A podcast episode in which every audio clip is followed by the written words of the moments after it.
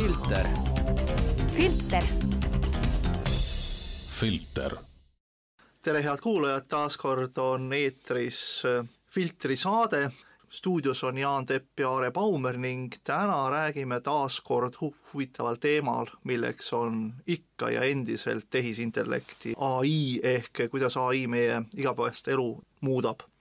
kas ta muudab positiivses suunas või pigem negatiivses suunas, lõplikut hinnangut me hetkel anda ei saa, aga me siin Aarega arutasime erinevaid tänapäevaseid nähtusid, millega me ise kokku oleme puutunud ja ja üritasime aru saada, et kas see pigem siis loob sellist digiprügi juurde ja võtab meie aega ära. ja kui võtab meie aega ära, siis kas see on selline Alice imedemaal tüüpi paigaljooks või on see siiski kuidagi meie elu kergendav ja edasiviiv Aare, räägi sina, milline on sinu nägemus siis tehisintellekti kaasaegsetest tööriistadest ja mis on selle ohud ja mis on sellega kaasnevad positiivsed küljed? jaa, see on väga huvitav, et kuna viimasel ajal see ai, kuidas temast rääkimine või chat'ist rääkimine on siis niisugune, ma ütleks isegi moesõna, et noh, nüüd peaks kõik nagu rääkima. minul oli väga huvitav jälgida, kuidas esimesed artiklid, nimetame, et see oli juba aasta tagasi või kaks tagasi, olid sellised, kuidas öelda, hurraa positiivsed et lõpuks ometi on mingi tööriist olemas, millega saab midagi teha. ja siis see kõik meenutas minule sellist kahe peaga või kolme peaga kanapoja näitamist loomaaias, sellepärast et et kõik tulid vaatama seda kokku, imestasid, naersid, patsutasid üksteise õlale ja ütlesid, voo, vahva värk, et no nüüd me oleme saanud endale ühe vahva naljaka asja, et sellest saab isegi mingit midagi teha. aga ma arvan, et me oleme oma teemades siin kasutanud piisavalt palju seda, sellist näidet ju, et, et ega inimene ei tea, et ta on tegelikult tööriist ta ei tea seda. et, et see on päris naljakas, aga ta arvab, et tema teeb ja teised siis nagu ka see ai toodab midagi. ja, ja mis on sellega juhtunud, on siis selline olukord, et vaat see kolme peaga tibu või noh, mida siis loomaaias näidatakse, kollane veel pealegi,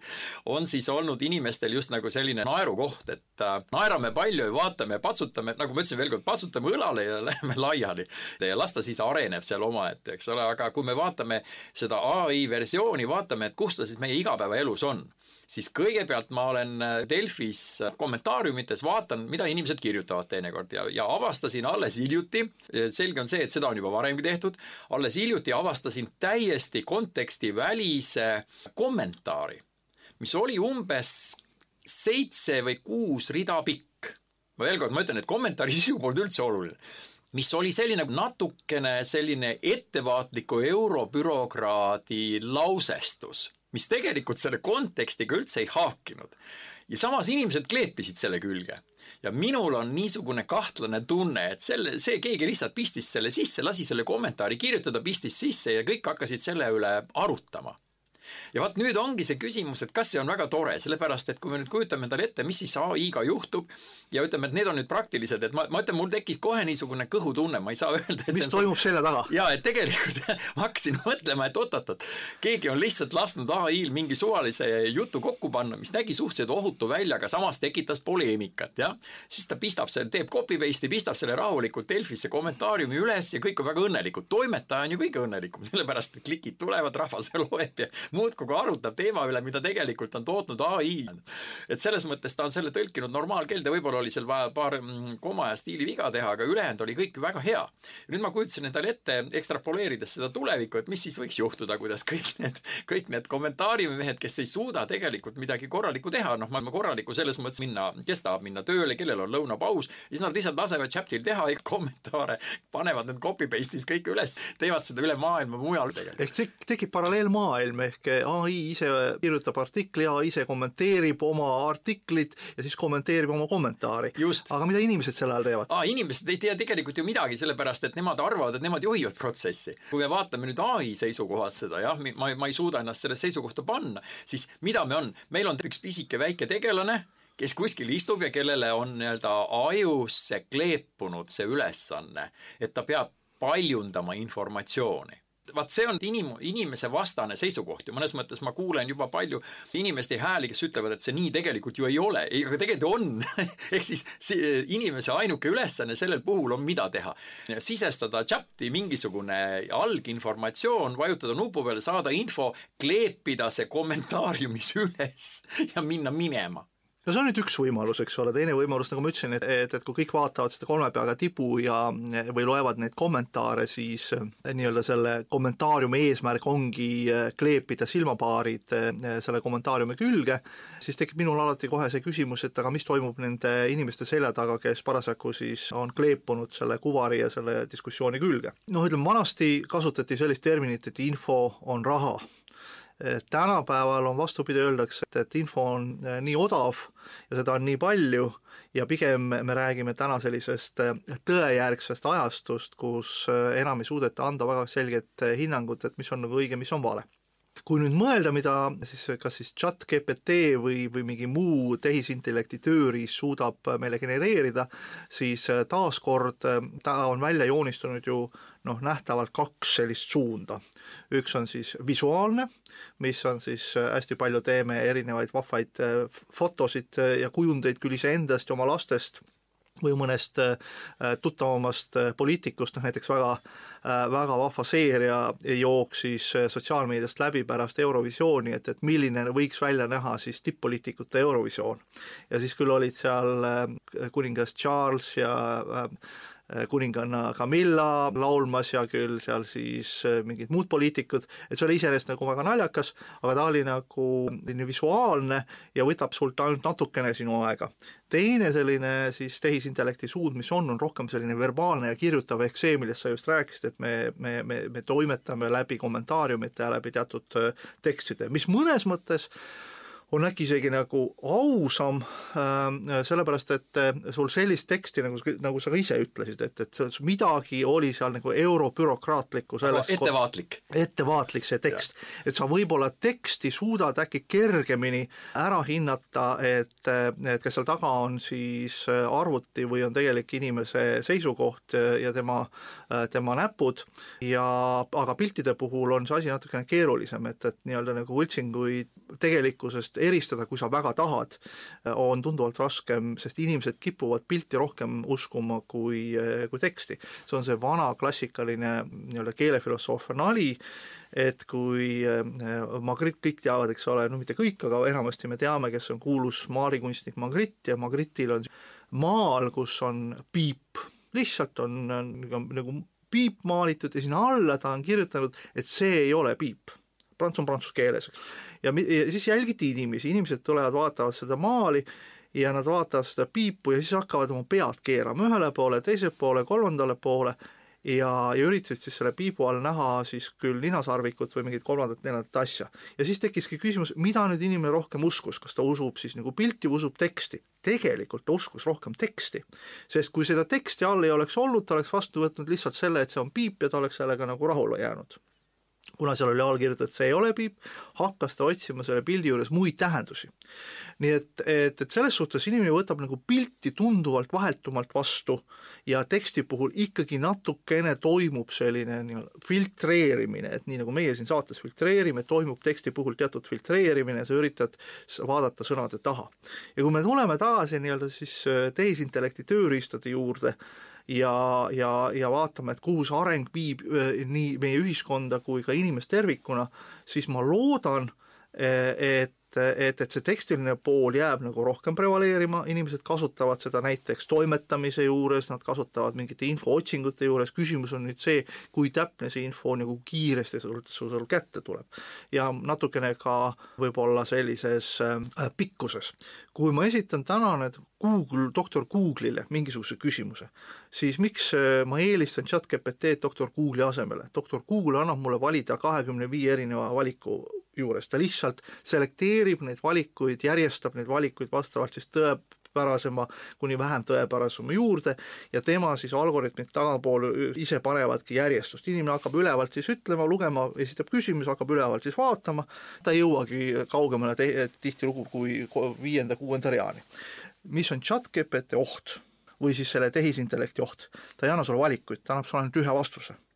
ja nüüd ongi, ehk tõese vastuse. ta annab sulle tõese vastuse. Ja, ja. nüüd küsimus ongi see, et kas selle, see tõe, see, see vastus tegelikult on tõene või mitte tõene ja kui inimene usub rohkem teksti, siis eh, mõnes mõttes me anname analüüsi oma ajust ära, me anname analüüsi võime, anname ära tehisintellektile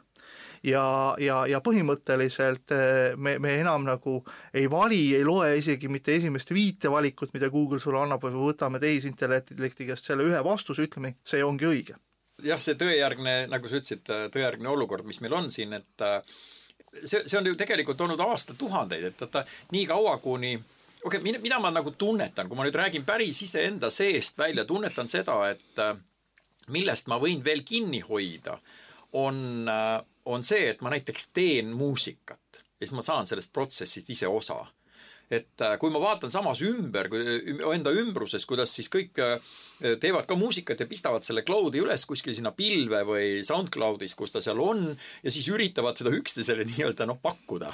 tehakse, pistetakse üles. sa saad aru, et kui ma teen nagu kuus minutit mingisugust muusikat süntesaatoriga natukene, äh, siis ja pistan ta pilve ja ootan siis, et äkki midagi juhtub, et see on nagu hullem kui tegelikult väikese pisikese number, ma ei tea, number seitse või mingi number kuus õnge selle konksuga ookeanis üritada kala püüda, süvamere kalasid kusjuures, pinna lähedalt, eks. et noh, võib-olla juhtub miljoni aasta kord, et keegi kogemata takerdub sinna. aga et tegelikult me olemegi selles olukorras, kus see informatsioon ei ole enam väärtuslik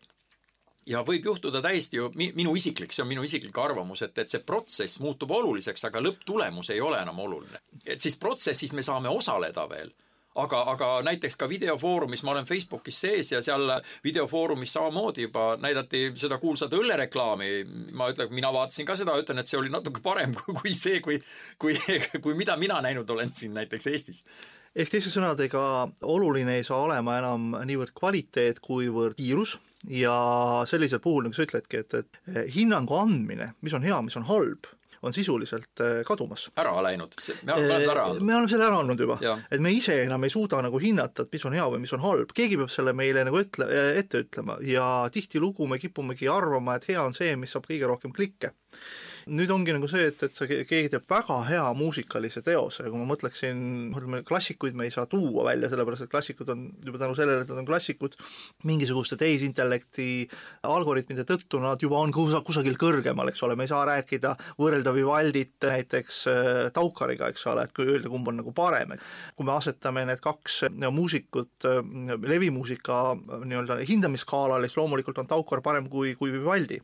aga kui me nüüd mõtleme siis mingi muu looming üles, nagu sa ütlesid, et, et kusagil on miljon erinevat äh, loomingut, mida on tehtud ja mille kohta sa ei oskagi, sa ei leia neid esiteks, sellepärast et sa ei, sa ei kujuta ette, kuidas see nii-öelda hindamisalgoritm, olgu see siis tehisintellekti või Google'i juures on üles ehitatud, sa ei tea, kuidas see algoritm toimib, sul ei ole sellele ligipääsu, sa ei saagi muud moodi seda algoritmi võib-olla siis manipuleerida, kui sa peadki leidma mingi influencer'i, kes, kes kes siis sisuliselt, kellel on kohutav, kohutavalt palju jälgijaid, kes ütleb, see on hea. Ja siis ühel hetkel, sest siis selle jälgija nüüd see miljon või kui palju tal neid jälgijaid on, hakkavad siis klikkima selle lingi peal, mida tema on ütelnud, et on hea ja siis see äh, tehisintellekt saab aru, et oota, siin on nii-öelda demokraatlikult antud väärtushinnang, mis ei pruugi üldse olla seotud hea-halb skaalal. hüppaksin nüüd üle hoopis ühe teise teema juurde, sest see haakis see, mis sa ütlesid. ehk siis see, see algoritm, jah nimelt ajus toimub informatsiooni töötlemine uue informatsiooni töötlemine niimoodi, et äh, oletame, et meil on ees hall sein. no selle ma mõtlesin välja, pean ütlema juba kooli ajal. kui see hall sein on umbes mõõtmetega viis meetrit korda kolm meetrit, siis ta on sein, me paneme ta mingisse keskkonda. aga kui see sein on umbes kümme tuhat kilomeetrit pikk ja umbes tuhat kilomeetrit kõrge siis ükskõik, kuhu sa lähed, et see on nagu paras niisugune horror unenägu et ja ongi sein lihtsalt, sa ei saa mitte midagi teha. see kümme tuhat kilomeetrit sa maha ei käi, jah. nüüd sa peadki nagu arvestama, et see ongi sinu arusaamade sein kõige lihtsam oleks inimese seisukohalt, kelle aju on täiesti normaalne, siis hakata seda seina lihtsalt kuidagi mitte tunnistama või kasutama ära mingil muul moel. miks ma selle näite tõin just sellepärast, et niikaua, kuni asjad on põhimõtteliselt meie arusaamades arusaadavad, jah nii nagu see ka sina räägid. et nii kaua ongi nad arusaadavad, aga sellel hetkel, kui nad ületavad meie arusaama, meie võime, me ei saa minna kümne tuhande kilomeetri kaugusele ja vaadata, mis on teisel pool seina, me ei saa lennata üle, me lihtsalt elame seal, siis kõige kasulikum on see hütt koostada siis taimelehtedest nii-öelda bambusevartest ja, ja lihtsalt vaadata, et millal vihma sajab ja kuidagi üritada siis viljakest kasvatada natukene ja seal olla, eks ole, ja see ignoreerida seina selle sõna otseses mõttes aga ma kardan, et see ai sellisel kujul hakkab meid ära kasutama. ja näiteks sina oled ju üks selle kasutaja, ai kasutaja, et äh, kui ma ei eksi, raadiokuulaja küll ei näe, aga siis sa näitasid illustratsioone. Ja need illustratsioonid olid, need olid Rembrandti stiilis.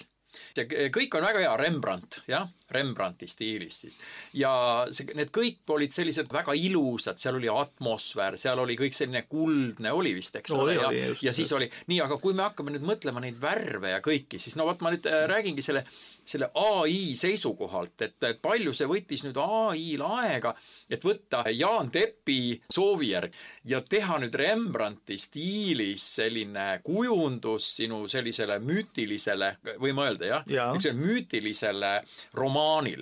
ja samas äh, uurides natukene siin äh, seda, et kust need värvikammad tulevad siis need värvikammad, kui me tahame nüüd selle välja printida, seega sinu raamatus ta oli seal väike,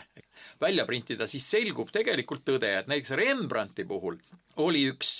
Müncheni ülikooli teadlane, kes tuhande üheksasaja neljakümnendal aastal avastas selle, kuidas kunstist siis tegelikult Rembrandt tootis oma sellise poolmüstilise, sellise, kuidagi öelda nagu, nagu selle valgustatud näod pimedusest, sellisest nagu mitte hämarus, vaid see ongi nagu pimedus, aga näod on kuidagi nagu välja valgustatud, aga nad ei ole välja valgustatud, nad on kuidagi nagu helendavad või kuskil tuleb selline helendus. ja minu ees on just üks selline pilt, kus siis, äh, kui sa võid mind kindlasti parandada, kui see tulikiri ilmub ilmub seinale, see Be-, Be-, kuningas Beltsatsar vist oli või ja, ja, ja, ja. nii, ja see, see ees on tuhat kuussada kolmkümmend kuus ja siis oli siin juttu sellest, et see on tegelikult tina baasil. tina, see on mürgine materjal, et kõik need kunstnikud töötasid sellel baasil. no miks ma räägin mürgisusest, just nimelt sellepärast, et me ju kasutame ka kunsti loomiseks just nagu selliseid,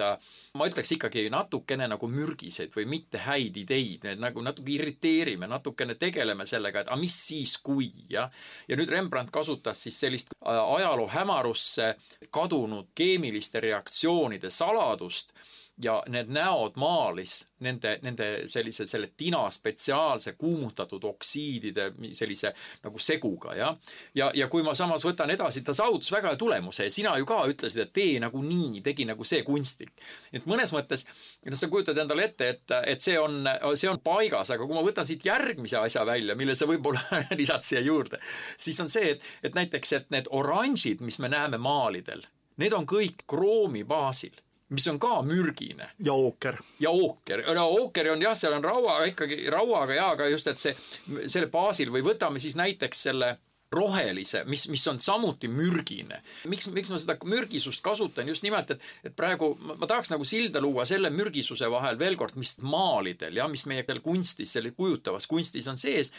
ja vaatamata sellele me ütleme, et need maalid on väga ilusad aga nendeks on kasutatud mürgiseid aineid. ja vaat nüüd, kui ma toon selle paralleeli siia, et nüüd see ai töötab ja meie ütleme, et tee nagu nii või tee nagu naa, et, et seda on nii lihtne öelda, et, et loo see roheline või Monet äh, iirised, mis on koobalt, keegi ei tahaks suhu saada väikest limpsukestki, eks ole, purpur koobalt või siis et me ütleme, et selles suhtes me elame turvalisemal hetkel just täna. täpselt. et, et juba see üldine tarkus äh, värvide kättesaamiseks on kusagil pilves talletatud ja kui sa annadki õige käskluse ai-le, äh, siis ta annabki selle värvitooni sulle kätte, et, et selles suhtes võiks ütelda, et see pool on nagu positiivsem. ja see, selles ongi, et ma mõtlesin, et kui mul näiteks on laptop ees, mis püsib minu käes umbes kümme aastat, jah, ja nüüd ma siin vaatan neid pilte nii kaua on ju hästi, sest laptop on loodudki selleks, ma ei uuenda seda igal kolmandal aastal, ma ei tea mitte midagi, aga need pildid on ees, ma saan neid kasutada, järelikult selle nii-öelda roheline jalajälg muutub järjest väiksemaks. kui me laseksime näiteks, meil oleks, ütleme, maakeral siin ütleme sada Rem- äh,, Rembrandti, kes kõik oma mürgiste maalidega muudkui maaliks ja maaliks, siis meil oleks muuseumid täis selliseid mürgiseid maale, mis oleksid väga ilusad.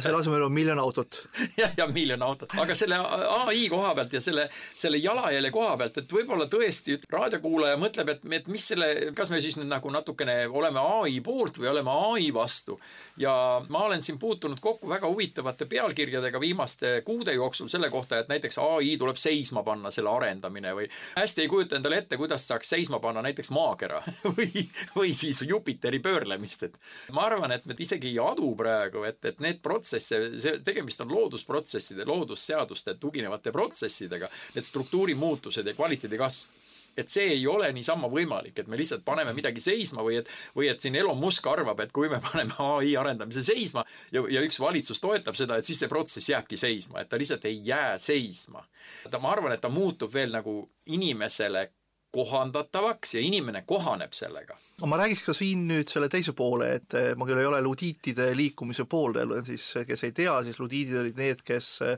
kaheksateistkümnendal sajandil hakkasid tehastes masinate vastu võitlema ja neid lõhkuma, sellepärast et see võttis käsitöölistelt leiva käest ära. aga, aga kui me nüüd räägimegi see, et eh, me seda protsessi seisma ei pane, siis ma olen sinuga, Aare, nõus, aga me peame samas ka osundama nendele teatud ohtudele, mida ikkagi eh, siis tehisintellekti hästi kiire areng eh, meile võib põhjustada. ja üks, üks asi on see, et inimene muutub passiivsemaks kuna ennem sa ütlesid, et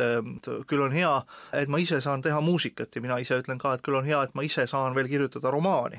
ja samas ma võin ütelda, et ma võib-olla kümne aasta või kahekümne aasta kontekstis võiks ütelda, et olen üks viimane mohikaanlane, kes oma kahe näpu või siis kuue näpuga on viitsinud tuhat lehekülge valmis tippida täna ikkagi on juba ilmunud esimene romaan, mis ähm, on ähm, tehtud ainult siis äh, ai poolt. ja, ja see ei olegi nii lühike romaan ja see küll eh, noh, ütleme jällegi see küsimus on selle teksti keerukuses ja teksti vastuvõtlikkuses, et kui ühelt poolt äh, inimesed surutakse rohkem mitte loojaks, sest loomine nõuab sinu hall aju tööd, sa pead pingutama oma aju selleks, et kirjutada mingi tekst valmis või teha muusikapala valmis või maalida, võtadki need mürgised värvid ja maalid ise valmis, mitte sa ei ütle ai-le, et tee mulle Rembrandti stiilis minu raamatu põhjal mingisugused illustratsioonid või pildid, vaid sa ise teed, sa pingutad oma aju, aga kui me nüüd olemegi läbi selle äh, nii-öelda meeletult noh, ütleme siis äh, kiiresti areneva ai ja tehisintellekti plahvatusega surutud rohkem tarbija positsiooni, sest nagu me ütlesime, et, et selles me ei tea, kuidas minu romaan või, või sinu muusikapala või, või kolmanda-neljanda kunstniku väga ilus looduspilt saaks piisavalt tähelepanu ja saaks ka väärikalt hinnatud, sest arvuti algoritm tunnistab ainult äh, influencerite poolt genereeritud klikivoogu, mille üle meil kontrolli ei ole, eriti kui me räägime pisikesest kultuurist nagu Eesti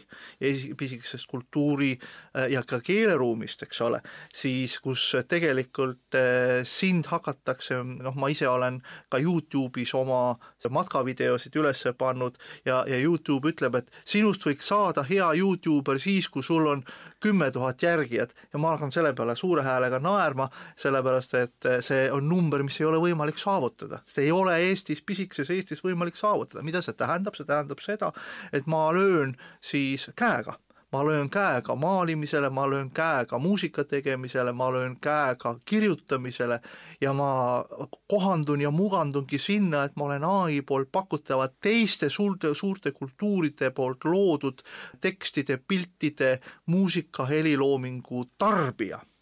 Aga mida see veel kord tähendab, see tähendab seda, et väheneb ka ju tegelikult noh, ütleme kõik, me räägime kultuuri majandusest. iga majandusvorm eeldab ka mingisuguste ressursside liikumist. kui juba neid ressursse ei ole, siis me jõuame paraku sinna välja, et väheneb ka ressursside ümberjagamise võimekus. ehk äh, mingil hetkel, ütleme nii, et kui ma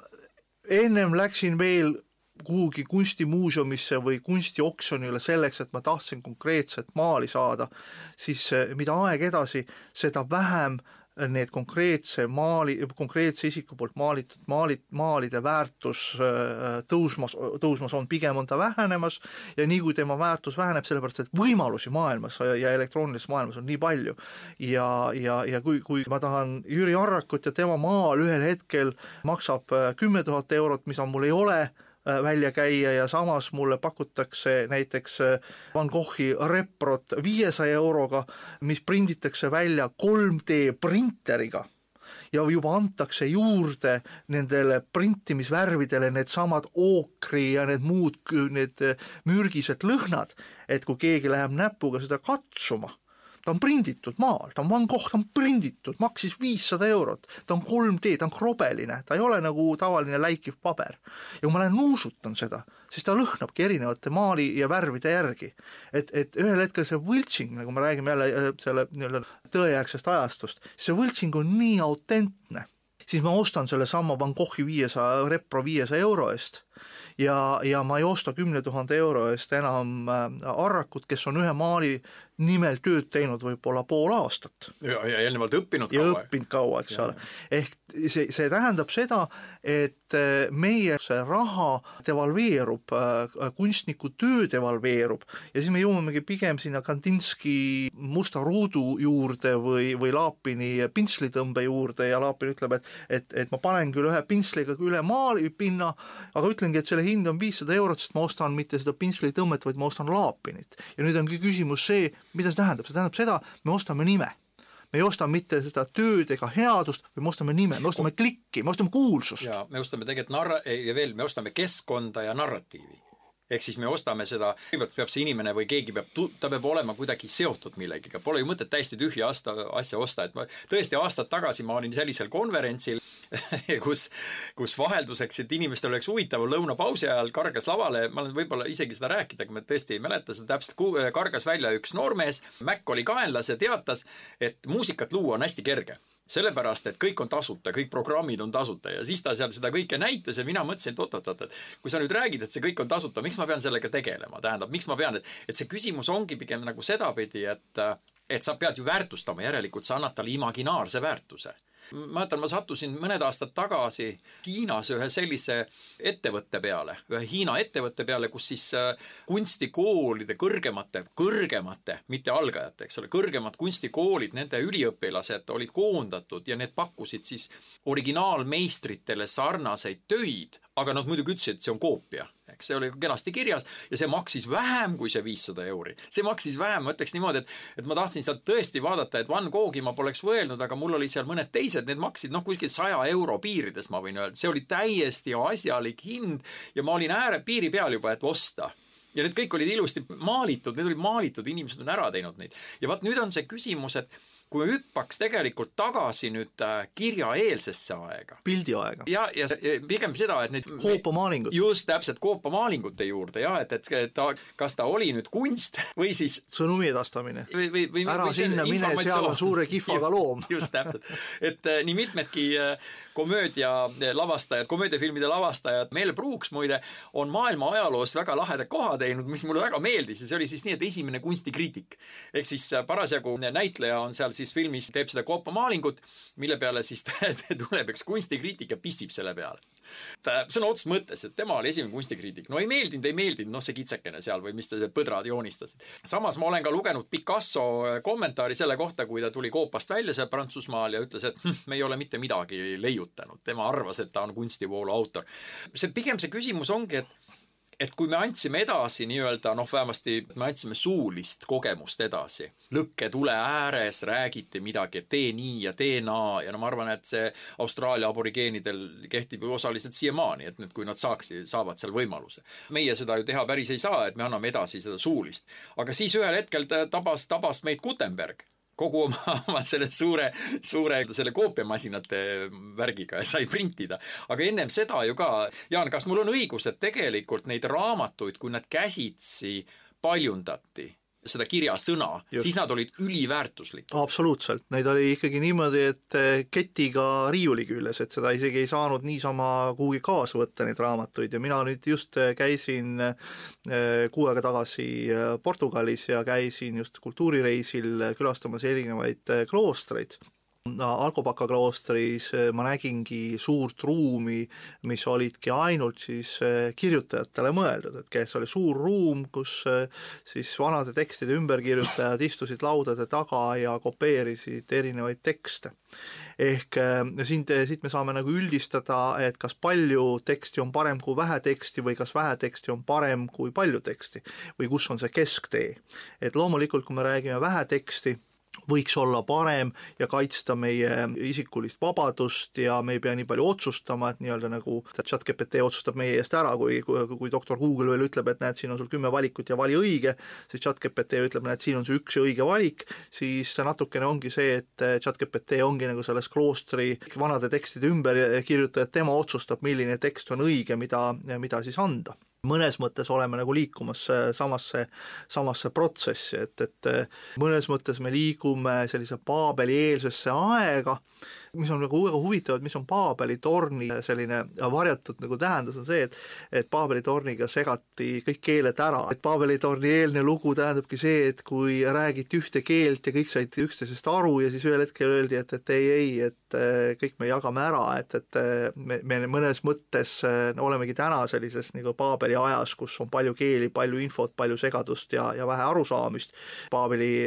torni eelne aeg oli mõnes mõttes selline üks keel, üks arusaam, arusaamine, üks harmoonia. ehk siis küsimus ongi, et, et kas äh, chat-GPT üritab meil taas luua äh, või tehisintellekt üritab meil luua sellist äh, singulaarset harmooniat ja see äh, singulaarse harmoonia küsimus on ju äh, kõikide süsteemide püsimise põhieesmärk, olgu ta siis ettevõte, olgu ta klubi, olgu ta riigistruktuur või mis iganes, see on see, et, et me pakume sulle turvatunnet, me pakume sulle ka majanduslikult kindlust ja ja, ja sinu asi on vaid äh, olla meie poolt pakutava mudeli all õnnelik. ehk nagu, nagu mõnes mõttes see palju teksti versus vähe teksti, et kumb sellest siis parem ja, ja, ja, ja kumb see vähem õige on, eks aeg näitab, aga nagu protsess on küll pigem selles suunas, et kui kümmekond aastat tagasi ülistati globaliseerumist, et meil on selline üks suur globaalne, globaalne maailm, kus kõik saavad kõikidega suhelda, siis täna me pigem liigume sellise killustatuse ja klasterdumise suunas. igalühel on oma klaster, oma väike mull, mille sees ta elab ja tal on seal oma sõpruskond, et kui on näiteks Läänemaa rannikut noorte porise ilmamaalijate klubi ja nad saavad üksteisest aru, nad vaatavad üksteist pilte, noogutavad eh, ja saavad aru, mida see kunstnik tahtis näidata, kui ta näitab seda vahust lainet, siis see on niisugune pisikene Läänemaa meremaalijate klubi, eks ole, et, et nad ja nad ei hoolitsegi selle eest või neid ei huvitagi see, et kusagilt mingi klikimasin eh, nende teoseid esile tooks või ütleski, et, et oi, et, et ta on väga hea, sellepärast et mingisugune influencer on eh, tekitanud sinna taha miljon klikki et ma näen, et see õnnevalem mõnes mõttes seisneb rohkem selles klasterdumises ja vähem globaliseerumises, sest selline global-, suurem globaliseerumine teeb inimesi rohkem õnnetumaks, ehk me jõuamegi täpselt selle suure müüri, musta müüri juurde, millest sa ennem just rääkisid. hall, hall, hall, hall müür hall on parem, must on et me jõuame nagu ühel hetkel selle müüri ette ja saame aru, et, et me ei peagi teadma, milline see, et mis on teisel pool või kuidas see asi toimib, ela oma oma enda maailmas, tee seda, mida sa teed, tee hästi ja ole tänulik. üks asi, mida me kipume nagu unustama, ongi see tänulikuks olemise müsteerium. ma ta tahan lisada nüüd ennem, kui me selle tänulikkuse juurde läheme, katkestaks su, su väga uhket vestlust sellega, et et kui ma nüüd mõtlen ikkagi selle, selle tegevuse peale, et inimesed tulevad kokku ja teevad midagi, nad siis nagu võimendavad üksteise protsesse et võib-olla see ei olegi olu-, kui sa ütlesid selle lääne, Eesti lääneranniku meremaalijate klubi ja meremaalijate klubi, et kui nad kokku saavad ja on väga õnnelikud, nad näevad üksteist, räägivad üksteisega, nad on, nad on õnnelikud selle koos tegemisega. et võib-olla see eesmärk tõepoolest ei ole need maalid nüüd panna kuskile, no isegi kui nad paneksid nad üles kuskile inimestele vaatamiseks, siis ma arvan, et jah, Youtube küsiks, et need kümme tuhat vaatajat tõesti ei ole, et mis siis saab, et minul on ka mõne asja peale kolmkümmend vaatajat, et ma olen väga õnnelik, aga mul lapselaps küsis, et miks ei ole kolm tuhat, tähendab. aga mina nagu küsiksingi see, et millal sa oled õnnelikum, kas siis, kui sa tead, et sul on äh, kolm tuhat äh, klikki või see, kui sul on kolm inimest sinu juures, kes vaatavad su äh, nii-öelda Läänemaa halli meremaastikku ja noogutavad, ütlevad jaa, ma tean, mis sa sel hetkel tundsid. ehk, ehk nagu inimese suhe mis tegelikult ju nüüd tehisintellekti maailmas kipub ju kaduma see inimlik suhe on tegelikult ju tunduvalt olulisem kui see kümme tuhat klikki. Ehk teiste sõnadega tuueski näite minu enda elust, et noh, me oleme sinuga vanuses viiskümmend pluss ja ja, ja mul sõpruskond, ülikooliaegne sõpruskond, kellega ma ikkagi aastakümneid väga tihedalt oleme nagu kogu aeg koos käinud, iga võimalus, mis meile anti, me käisime poistega kas kusagil õlut joomas, filosofeerimas, arutamas, kala püüdmas, looduses lõket tegemas, grillimas, mida aeg edasi, seda vähem füüsilisi kokkusaamisi meil tekkis. aina rohkem me lahendame asju oma Messengeri grupis ja viimased aastad on toonud seda, et meil on isegi raske leida ühiseid aegu mingite sünnipäevade tähistamiseks või, või aastapäevade tähistamiseks. Ehk mõnes mõttes see kiire tehniline maailm on loonud selle, et me eelistame tehiskeskkonda reaalsele füüsilisele suhtele teise inimesega. Ja see ei tee meid õnnelikuks. See pigem muudab meid õnnetuks, sest ühel hetkel me hakkamegi uskuma, et see kümme tuhat klikki või laiki on olulisem kui see kolm meremaalijat minu kõrval, kes vaatavad minu poolt tehtud pilti, noogutavad, ütlevad, ma tean, mis sa sel hetkel tundsid. ehk see on nüüd küll ähm, see, mis ma ennem just ütlesin, singulaarse maailma ja harmoonia, singulaarse harmoonia tunnetamise olulisus, mille poole võib olla me oleme liikumas, et kui meil ei ole enam valida doktor Google'i poolt antud kümne vastuse vahel valida, vaid me saame ühe, siis me, loomulikult me võime küsida, kas on õige või vale, siis me oleme selle halli seina ees, ütleme, et las ta olla. eeldame, et see halli seina tagant, tagant antud vastus äh, siis tehisintellekti poolt on õige ja vaatan vasakule-paremale oma sõpradele otsa, noogutan ütleme jah, et see pilt, me teame, mida sa tunned. et mõnes mõttes selline singulaarne harmoonia saavutamine läbi siis väikese sõpruskonna hakkab muutuma tunduvalt olulisemaks kui selliste klikimasinate ähm, poolt genereeritav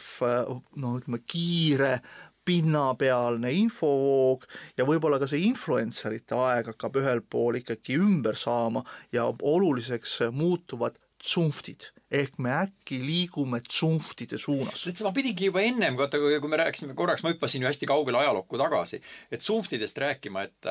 et tsunftid ju tekkisid ka lihtsalt sellepärast, et äh, ressurss kogunes ja oli vaja kvaliteeti kuidagi väärtustada kuidagi oli vaja väärtustada seda, et näiteks, et sinu kaup liikus läbi selle tsunfti läbi või need tegijad olid need näiteks ja meistrid olid hoopis teised mehed ja nüüd sa ostsid seda nagu imaginaarset väärtust. See äh,, mul on,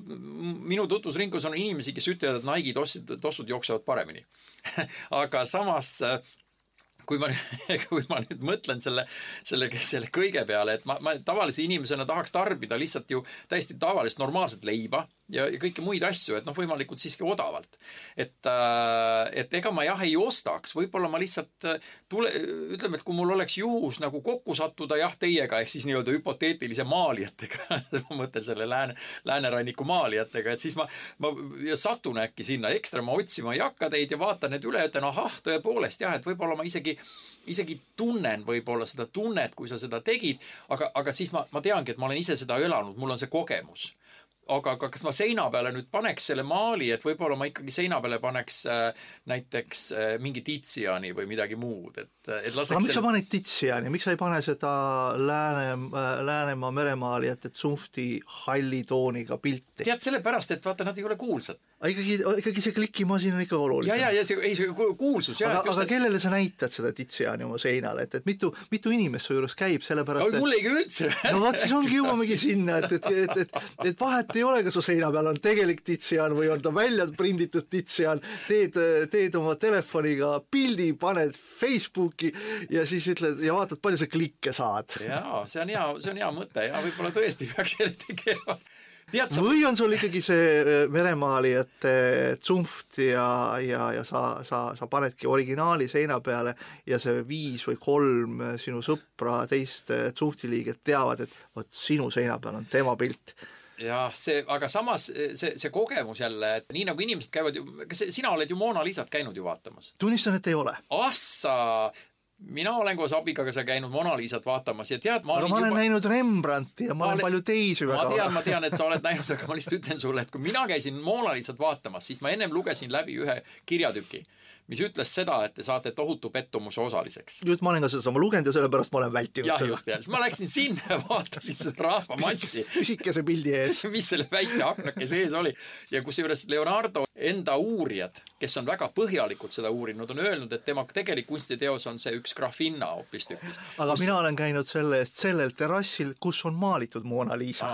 hea küll. kuule, aga me jõuame ikkagi selle juurde, et vaat seesama see klikkide arvus ka, et, et on olemas selline asi nagu metatasand. me oleme siin metatasandist rääkinud, see on just nagu hõljub seal kuskil selle informatsiooni kohal, mis meil on, aga ta annabki selle, vot selle, selle kogemuse, et, et nüüd ahah, siis oli nii või et, et või näiteks, et hea küll, ma, see Lääneranniku maalijate klubi, kolm inimest ja siis, siis ma tean, et pärast seda lõi välk sinna majja sisse, noh näiteks see nüüd metatasandina oli. tegelikult on ka ilmunud üks artikkel selle koha pealt, et kus kohal on praegu veel selle chat GTV piirid või nende algoritmide piirid. Ja see on nimelt see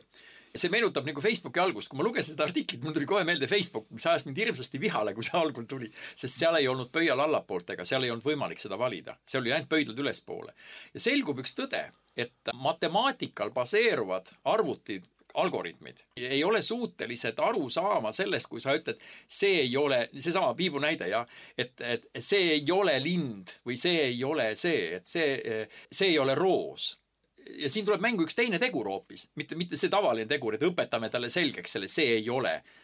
nimelt küsimus on efektiivsuses. selleks, et ta saavutaks selle programmi analüüsi, et ta saaks sellest aru ja suudaks toota, selleks ta peaks aru saama sellisest eituse metatasandist sellepärast, et ta kirjeldab nagu, nagu artiklis ka öeldakse, kirjeldab tavaliselt chat GPT suudab aru saada sellisest kujundlikust tekstist. see on koer, tal olid pikad karvad, värv oli selline, seesama nagu sina ütlesid maali puhul jah et anna talle sisendi, et see peab hõbedaselt helendama natukene, aga muidu on selline müstiline atmosfäär, koobaltsinine, kõik muu. kuskil on mingid heledad täpid, eks ole, aga see on tina, noh, nii-öelda tina helendus peab olema, tinaoksiidi helendus. ja nüüd ta hakkab looma seda, aga kui sa ütled talle, et see ei ole, ei ole oranž-punane si-, siis ta nagu hakkab mõtlema, et kas see nüüd ikka kirjeldab seda või sul oli mingi muu meta, metaarvamus selle kohta. ja selgub, et efektiivsuse mõttes, just nimelt kompuutri efe-, aja efektiivsuse mõttes on, on need mitte, e-, need nagu need eitavad osad välja võetud. ehk siis ta ei kasuta neid sellepärast, et tal on tegelikult kurja, turjas on tal kubjas kes ütleb, et kuule, ära väga palju sellele siin aega kuluta. ja see kubjas ütleb niimoodi, et ta, et, et kuule, tee, mis sa tahad, aga kõik, mis eitab, võta need eitused välja. Ja nüüd me saamegi sellise nagu jaotuse, sellise positiivse poole, et sa loed seda teksti ja mõtled, et midagi on puudu, et ma ütlen, mind isiklikult Facebook tõesti ajas esimesel aastal, teisel aastal vihale, sellepärast et ma ei saanud mitte midagi teha seal. ja siis ma nagu tõesti, ma olin pahane, no ma olin pahane, mis mõttes ei saa teha, kuidas mult on ära võetud see õigus. aga vaat nüüd sa kujutad ette, et sa saad sellist teksti, mis on selline, kuidas öelda nagu ütleme nagu, nagu hull positiivne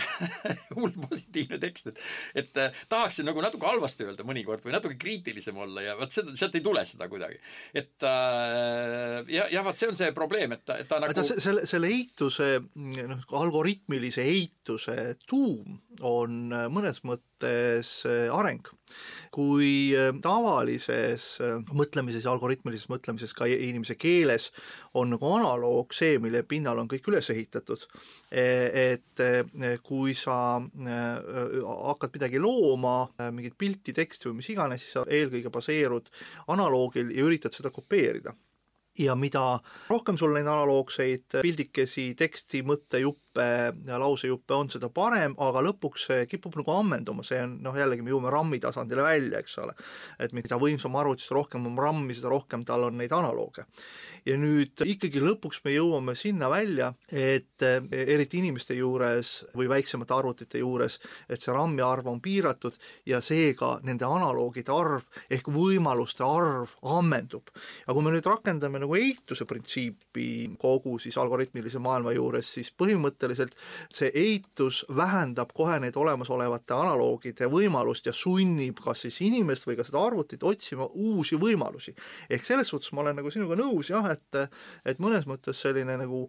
ära tee seda nii või ära kasuta seda värvi või ära kasuta seda kujundit, et, et see nagu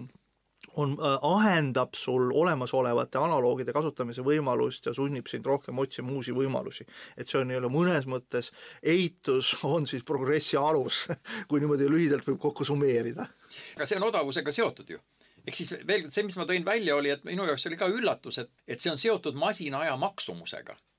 ehk siis üllataval kombel tekibki olukord, et kui me tahame, et see eitus oleks, et see tekst oleks võimalikult nagu arusaadav või natura-, mitte arusaadav, vaid naturaalne, et ta tunduks nagu inimlik, siis me, seal peab eitus sees olema, aga see läheb kalliks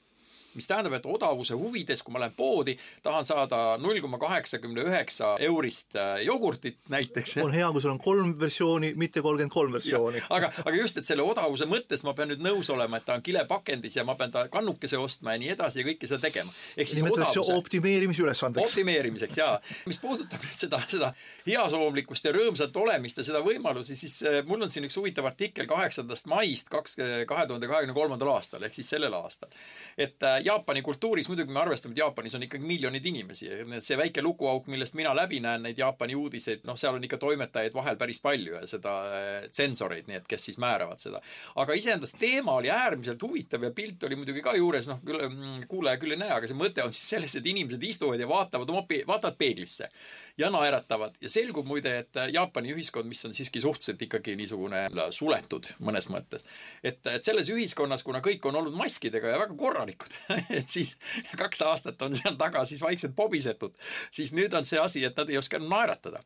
ja, ja iseendast oli väga lõbus. kummardused muutusid sügavamaks. jah, jah, et väga lõbus oli, kui ma lugesin seda, siis mõte on just, et, et on ka siuksed klassid, ühesõnaga keegi on tulnud geniaalse äriidee peale, tähendab, kas see on siis tasuta või mitte, aga inimesed kogutakse kokku, õpetatakse naeratama uuesti, et siis ja siis sa hakkad naeratama nii just nagu, nagu näitleja. et sul on väike peegel ja siis sa istud ja naeratad ja ma pean ütlema, et need pildid olid väga lõbusad sealjuures.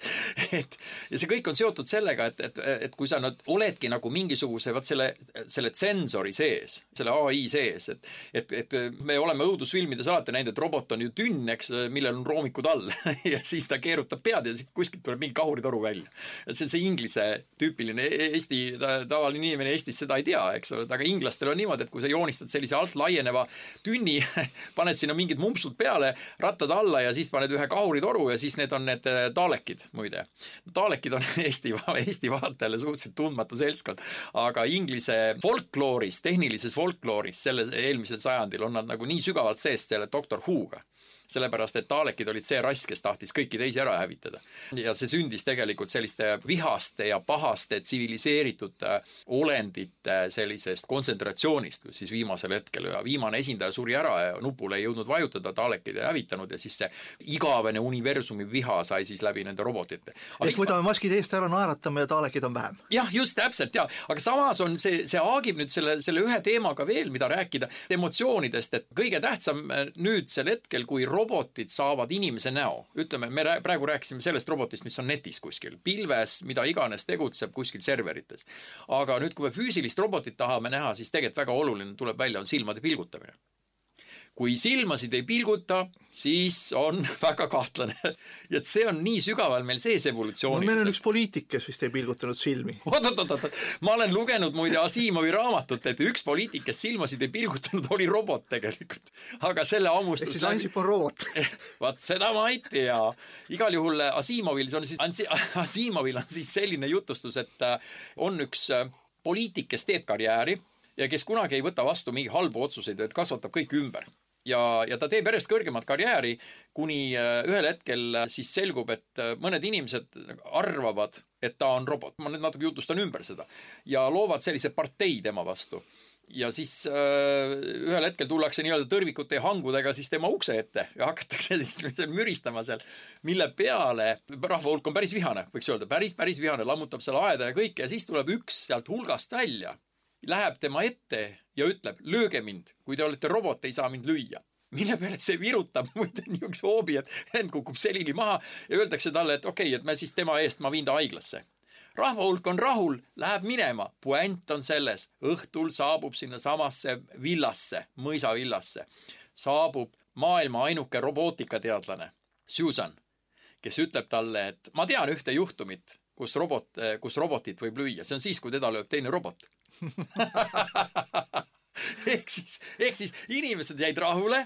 robot lahendas selle ära ja Susan ütleb, et, et järgmine kord ma valin teid presidendiks, sellepärast et otsused, mis te vastu võtate, on enam-vähem klaarid, kõik on klaar, kõik on väga tore ja ma arvan, et maailm on teie rahulikes kätes. nii et mingil hetkel hakkavad siis meie keerulises maailmas äh, rolli mängima suhteliselt lihtsad, geniaalsed ja ideevälgatuslikud äh, lahendused. et, et kui me jõuame sinna, et et äh, keerulises maailmas hakkavad rolli mängima äh, lihtsad geniaalsed äh, ja ideesähvatuslikud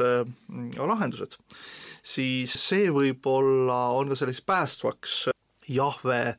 sarveks templis. et, et kui meil, meie ümber on hästi palju erinevaid lahendusi, erinevaid võimalusi, me enam ei tea, kas me oleme infovooga kaasa kistud ja me pigem oleme selle infovoo tarbijad ja me ise ei loo või me pigem otsustame, et, et me leiamegi selle ühe laapindliku pintslitõmbe, mis on oma olemuslikult geniaalne ja me väärtustame seda. Nii et me täna nagu mõnes mõttes ikkagi otsime sellist äh, singulaarset harmooniat, kui me võime sellist terminit nüüd kasutada oma saate kokkuvõtteks, siis äh, me liigumegi rohkem siis globaalse maailma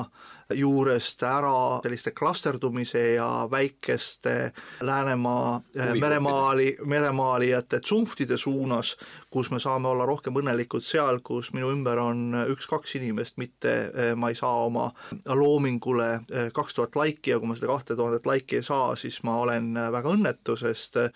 hiljuti The Economistki pühendas artikli teemale, et miks me ei saa enam olla tavalised või miks meid, miks me ei ole enam õnnelikud, sest me ei oska olla tavalised, et me alati ajame taga mingisuguseid liigseid klikke, me võrdleme ennast influencerite ja me võrdleme ennast võrreldamatuga. ehk veel kord võtame siis kokku, et, et tänase saate teema, et vaatamata, et tehisintellekt on igal pool, lepime selle halli seinaga, et me ei tea, mis selle taga on ja otsime siis läbi lihtsate asjade ja tsunftide oma singulaarset harmooniat. saates olid Jaan Tepp ja Aare Baumer.